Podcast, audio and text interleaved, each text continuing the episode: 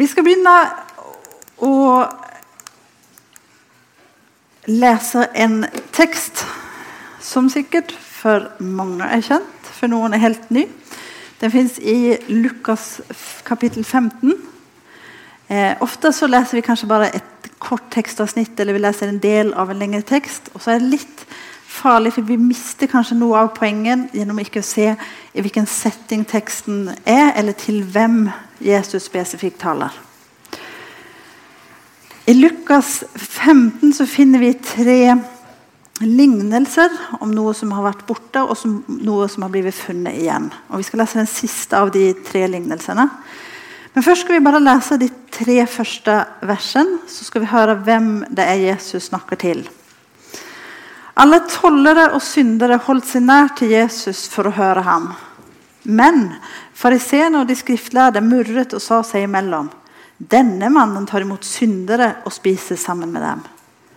Da fortalte han dem denne lignelsen. Prøv bare å gjøre en liten tanke i ditt hode. Tollere og syndere holdt seg nær til Jesus. Hvilket selvbilde tror dere at de hadde? Hvilket gudsbilde hadde de? Og så har vi en til kategori her. Fariseene og de skriftlærde. Hvilket selvbilde hadde de? Og hvilket gudsbilde hadde de? Så leser vi fra vers 11. Jesus sa, en mann hadde to sønner. Den yngste sa til faren, far, gi meg den del av formuen som faller på meg. Han skiftet da sin eiendom mellom dem.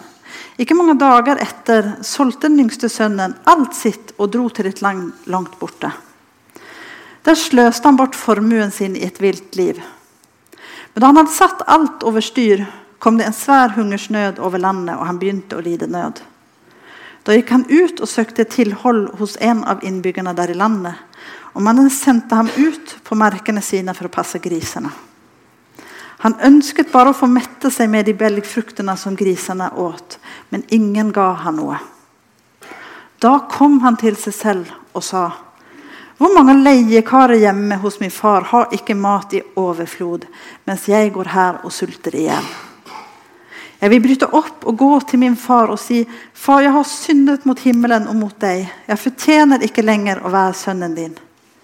'Men la meg få være som en av leiekarene dine.' Dermed brøt han opp og dro hjem til faren. Da han ennå var langt borte, fikk faren se ham og han fikk inderlig medynk med ham. Han løp sønnen i møte, kastet seg om halsen på ham og kysset ham. Sønnen sa, 'Far, jeg har syndet mot himmelen og mot deg. Jeg fortjener ikke lenger å være sønnen din.' Men faren sa til tjenerne sine, 'Skynd dere, finn fram de fineste klærne og ta dem på ham.' 'Gi ham ring på fingeren og sko på føttene.' 'Og hent gjøkalven og slakt den, så vi kan spise og holde fest.' For denne sønnen min var død og er blitt levende. Han var kommet bort og er funnet igjen. Og så begynte festen og gleden. Imens var den eldste sønnen ute på markene. Da han gikk hjemover og nærmet seg gården, hørte han spill og dans. Han ropte på en av karene og spurte hva som var på ferde. 'Din bror er kommet hjem', svarte han. 'Og din far har slaktet gjøkalven fordi han har fått han tilbake i god behold.'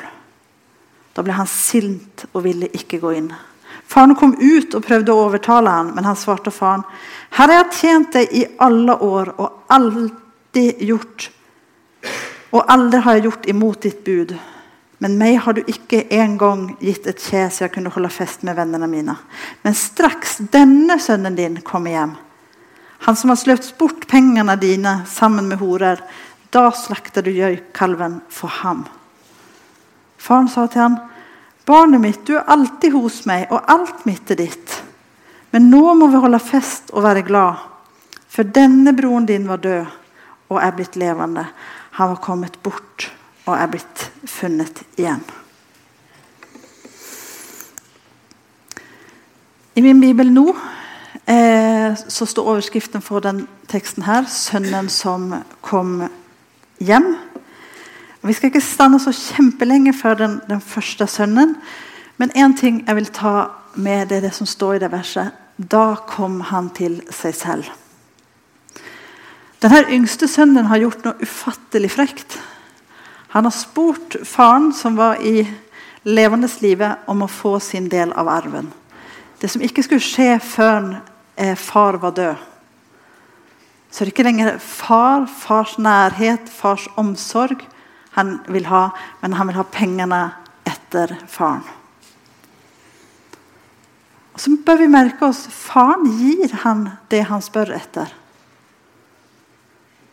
Selv om han nå i bakhodet òg visste hva som eventuelt kom til å skje.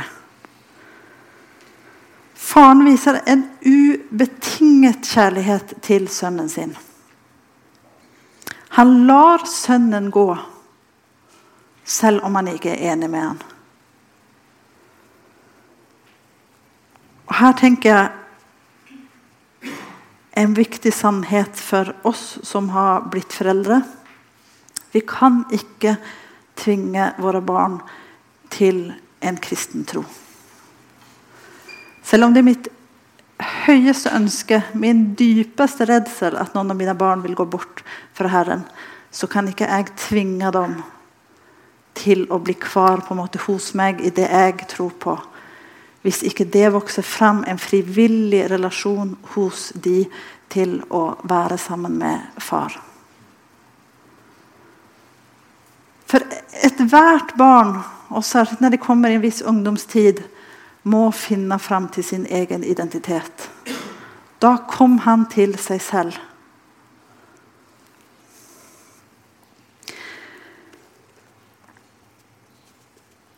Jeg har nettopp blitt tenåringsforelder, så jeg kan ikke si at jeg har så veldig mye erfaring på dette området. Jeg gleder meg til hva som kommer, kommer videre. Men det er fryktelig sårt for foreldre å se sine barn ta valg som er annerledes, eller vi ser valg som er ukloke, og vi kanskje ser at barnet tar, eller ungdommen tar valg som er helt gale. Og så er det en hårfin balanse. Når skal bare ungdommen få ta konsekvensene av det de, de velger å gjøre? Selv om det kan være ganske harde konsekvenser. Og Når skal man som forelder gå inn og stoppe eller prøve å hindre barnet til å, å gjøre det de tenkte? Men det er òg fryktelig vanskelig å være tenåring i dag. Å finne ut hvem er jeg Hvem mener mine foreldre at jeg er? Hvem forventer de at jeg er? Hvem forventer mine venner at jeg er? Og hvilke forventninger har jeg til meg sjøl? Og samfunnet som forventer så mye alt vi skal klare, alt vi skal strekke til. Vi skal være så utrolig perfekt på alle mulige plan. Og jeg tror Både som ung i dag og som foreldre i dag så tror jeg det trengs mye klokskap og mye bønn for at tenåringsfasen, som skal være en løsrivelsesfase mellom barn og foreldre, at den skal bli god. Det er veldig lett at det blir steilt. Det er veldig lett at det er lite forståelse. Og så blir det som en mur mellom foreldre og barn. Det merker jeg ofte i sjelesorgrommet òg. Hvor sårt det er når den relasjonen som alle andre virker ha så nær og så god, og sjøl har man ikke et forhold til mor eller til far. Eller man kanskje har et forhold, men det er mest bare ytelig. Jeg vet ikke om du føler at du er i denne fasen nå av livet, eller om du har kommet deg litt lenger, at du føler at du har blitt godt voksen og vet du selv, hvem du er og hva du vil. Men jeg leste nettopp et eh, en, en bitte liten tekst som jeg vil gi som en eh, kanskje et advarende eksempel, om man kan si det. Salmo hadde en sønn som skulle ta over eh, efter honom og bli den nye kongen. Han stilles på veldig mange valg, og det er vanskelig for han å vite hva som er det rette.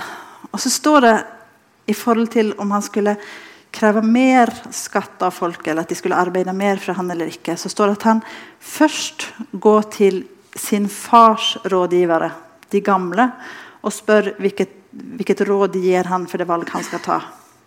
Og Sen står det at han går til sine kamerater, de som var like gamle som han, Og så får han et helt annet eh, råd. Og så skal den unge kongen sjøl bestemme eh, hvilket valg han skal ta. Så skal jeg bare lese ett vers som viser litt av en holdning som jeg tror ingen av oss er tjent med.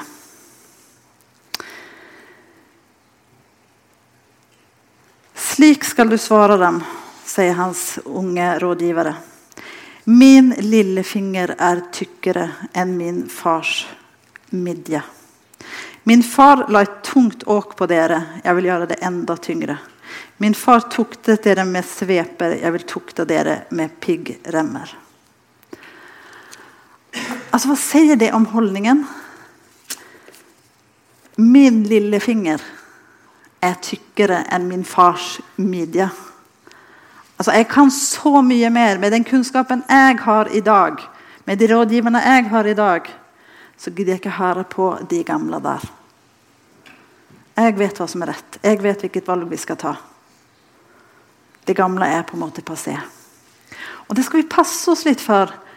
For selv om det kan være at vi har mer kunnskap eller at vi ser ting på en annen måte, så er det noe med år av livserfaring som jeg holder på å si vi som er unge, men jeg kanskje ikke får kalle meg riktig det ennå.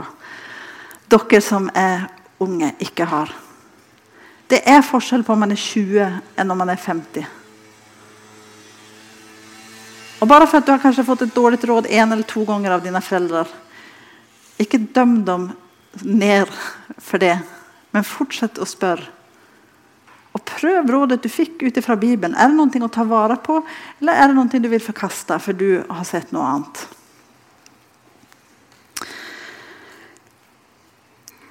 Så ser vi på den annen sønnen i fortellingen. I min gamle bibel så sto overskriften eh, 'Den bortkomne sønn'. Og så hørte jeg en gang en, en veldig fin preken og han endret tittelen til 'Den bortkomne sønn' eller 'De bortkomne sønnene'. For om vi ser på de to sønnene vi møter i denne teksten Er det noen av de som har et rett forhold til seg selv eller til Gud? Faren i denne fortellingen er et, et veldig godt og sterkt bilde på hvordan vår himmelske far er.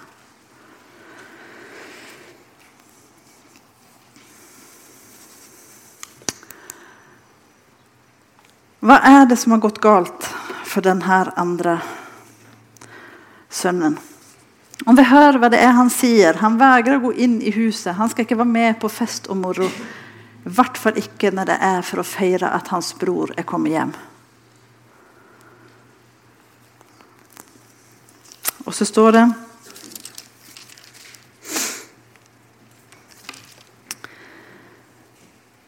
at faren kommer ut til ham. For faren var det ikke nok at han hadde den ene sønnen sin inne. Selv den sure, sinte, selvgode karen som står utenfor huset, bryr seg også faren om. Og han går ut til ham for å prøve å få han inn igjen. Men sønnen svarte, 'Her har jeg tjent deg i alle år, og aldri har jeg gjort imot ditt bud.' Hva er det for selvinnsikt? Jeg hørte, og Det kan egentlig oversettes Her er jeg slava for deg i alle år og ikke gjort deg imot. Hva har han for selvbilde? Hva har han for tanker om seg selv? Har aldri gjort noe galt. Tenk de fire punktene vi hadde.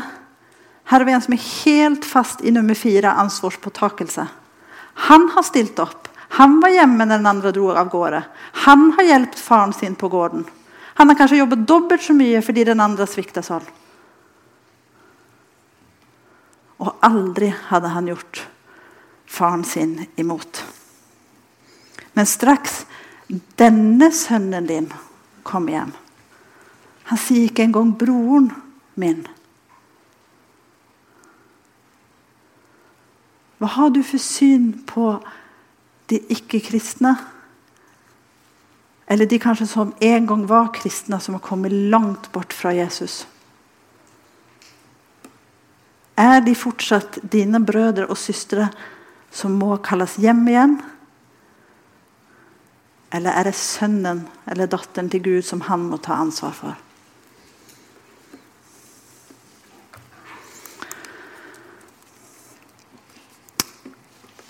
Så tenkte jeg med meg sjøl Hva hvis jeg hadde vært den som skulle gå ut for å hente inn den sønnen? Og fått det svaret tilbake.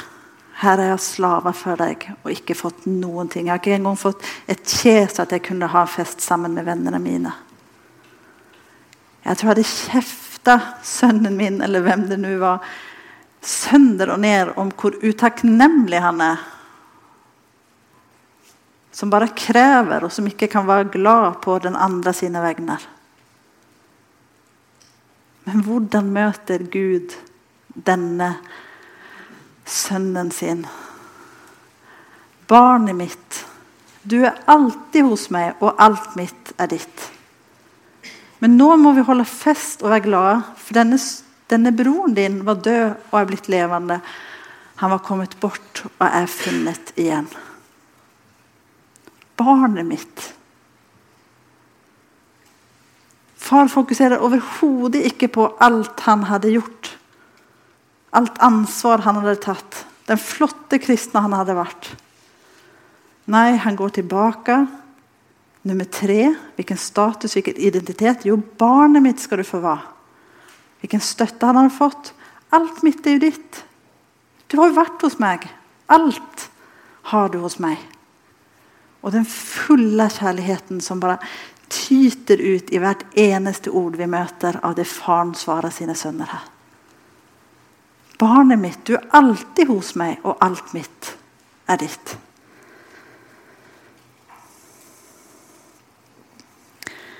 Ved første inntrykk kan man tenke at sønn nummer to han har fullstendig glemt sannhet nummer to i livet. Det virker som at Han er klar over at han er skapt i Guds bilde, og at han er nokså fornøyd med det. Men at han også er en fortapt synder som trenger Jesus, som trenger å være hos far. Det virker ikke å ha gått opp for ham.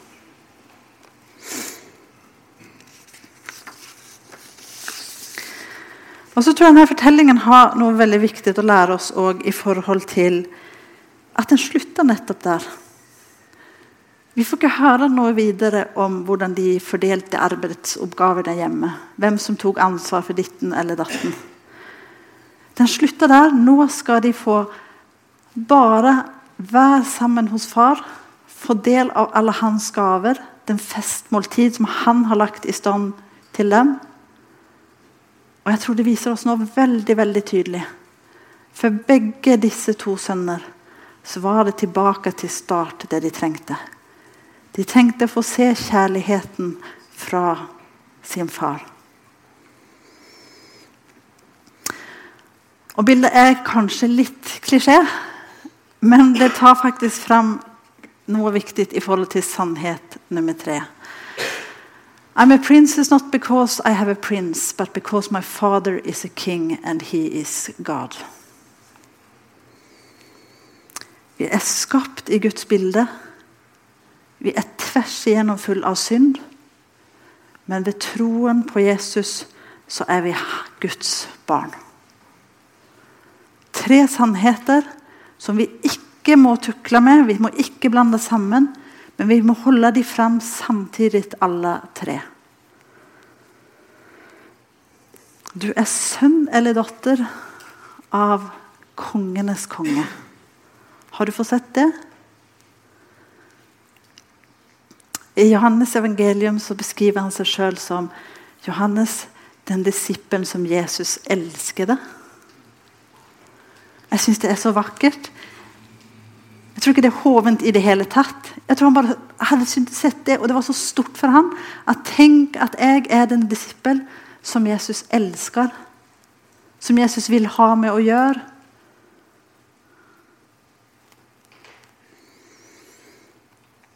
Er det en del av ditt selvbilde òg? Tenk at jeg faktisk får Guds barn. Tenk at han elsker meg. I Galaterne 3, vers 26 og 27 står det For dere er alle Guds barn ved troen i Jesus Kristus. Alle dere som er døpt til Kristus, har kledd dere i Kristus. Det står ikke for dere skal en gang bli Guds barn. Nei, det står at dere er Guds barn ved troen på Kristus. La det òg få være en del av hva du tenker om deg sjøl.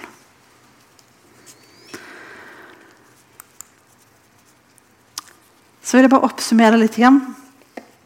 Jeg skal lese, Det var en miniandakt en gang av en som heter Magne Birkedal som jeg syns var så god, som jeg har hatt i Bibelen siden da.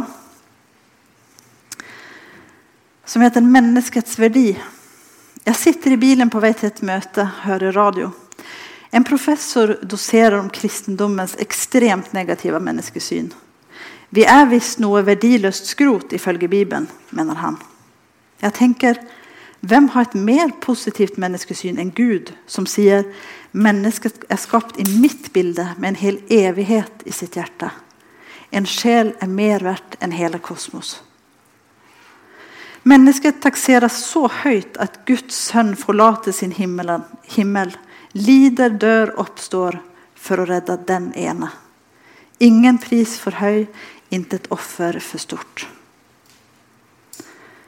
Mennesket er et dyr blant dyr, en ape blant aper, sier professoren. Intelligent, ja visst, men tilfeldig utvikla. En ape, ikke noe mer, fortsetter professoren. Men professoren tar feil. Han blander kortene. Kristendommen har et ekstremt positivt syn på mennesket og dets verdi.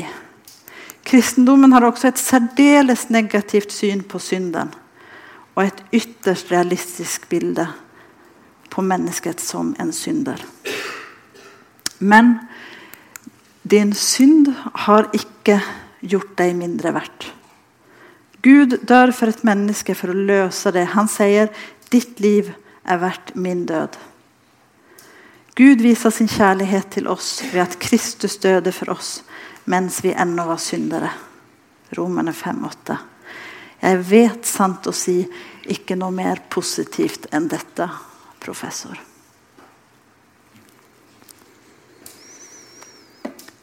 For meg ble det stort når jeg oppdaga at det som står i den lille Bibelen For så høyt har Gud elsket verden at han gav sin sønn. At det ordet om verden da har jeg hele tiden trodd handler om liksom hele jordgloben, alle mennesker. Men akkurat der, når det brukes ordet 'verden', så betyr det den ugudaktige verden. Den verden eller de menneskene som overhodet ikke ville ha noen ting med Jesus å gjøre. For så høyt har Gud elsket de menneskene som overhodet ikke vil ha noen ting med Jesus å gjøre, at han sendte sin egen sønn. Det sier noe enormt om din verdi. Og så har kristendommen et særdeles negativt syn på synden. Det står om at synden som bor i oss, den blir svanger. Og når den kommer ut, så føder den død. Det er ikke noe småtteri. Ikke noe sånne filleting som bare skjer innimellom, men som vi, hvis vi tar oss sammen, ofte klarer å, å skjule. Det er som at vi er en stor produsent, og det bare tyter ut av oss. Så er det ikke stopp der heller. For kristendommen er Kristus. Han er den usynlige Guds bilde. Den førstefødte før alt det skapte. Hvis du er usikker på ditt gudsbilde, hvis det er masse ting i Bibelen som du ikke skjønner, som du ikke forstår, egenskaper hos Gud som du ikke klarer å takle, så stopp opp ved det der at det er en person som er den usynlige gudsbildet. Og det er Jesus. Så har du fått sett noe av hvem Jesus er, og hva han har gjort.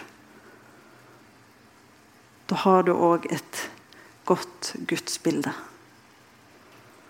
Og når du får ta del i det, så gjør det òg noen ting med hvordan du ser på deg sjøl. En sånn ufattelig kjærlighet. Å bli møtt med den. Det skaper òg ting hos oss. Har du sett Kristus, har du sett nok. Han er Gud, han er det fullkomne Guds bilde. Og lær deg å se deg selv i hans kjærlighet. Som hans barn, skapt i hans bilde og som en synder som på ny og på ny trenger tilgivelse. Men som et Guds barn med en hel himmel i vente.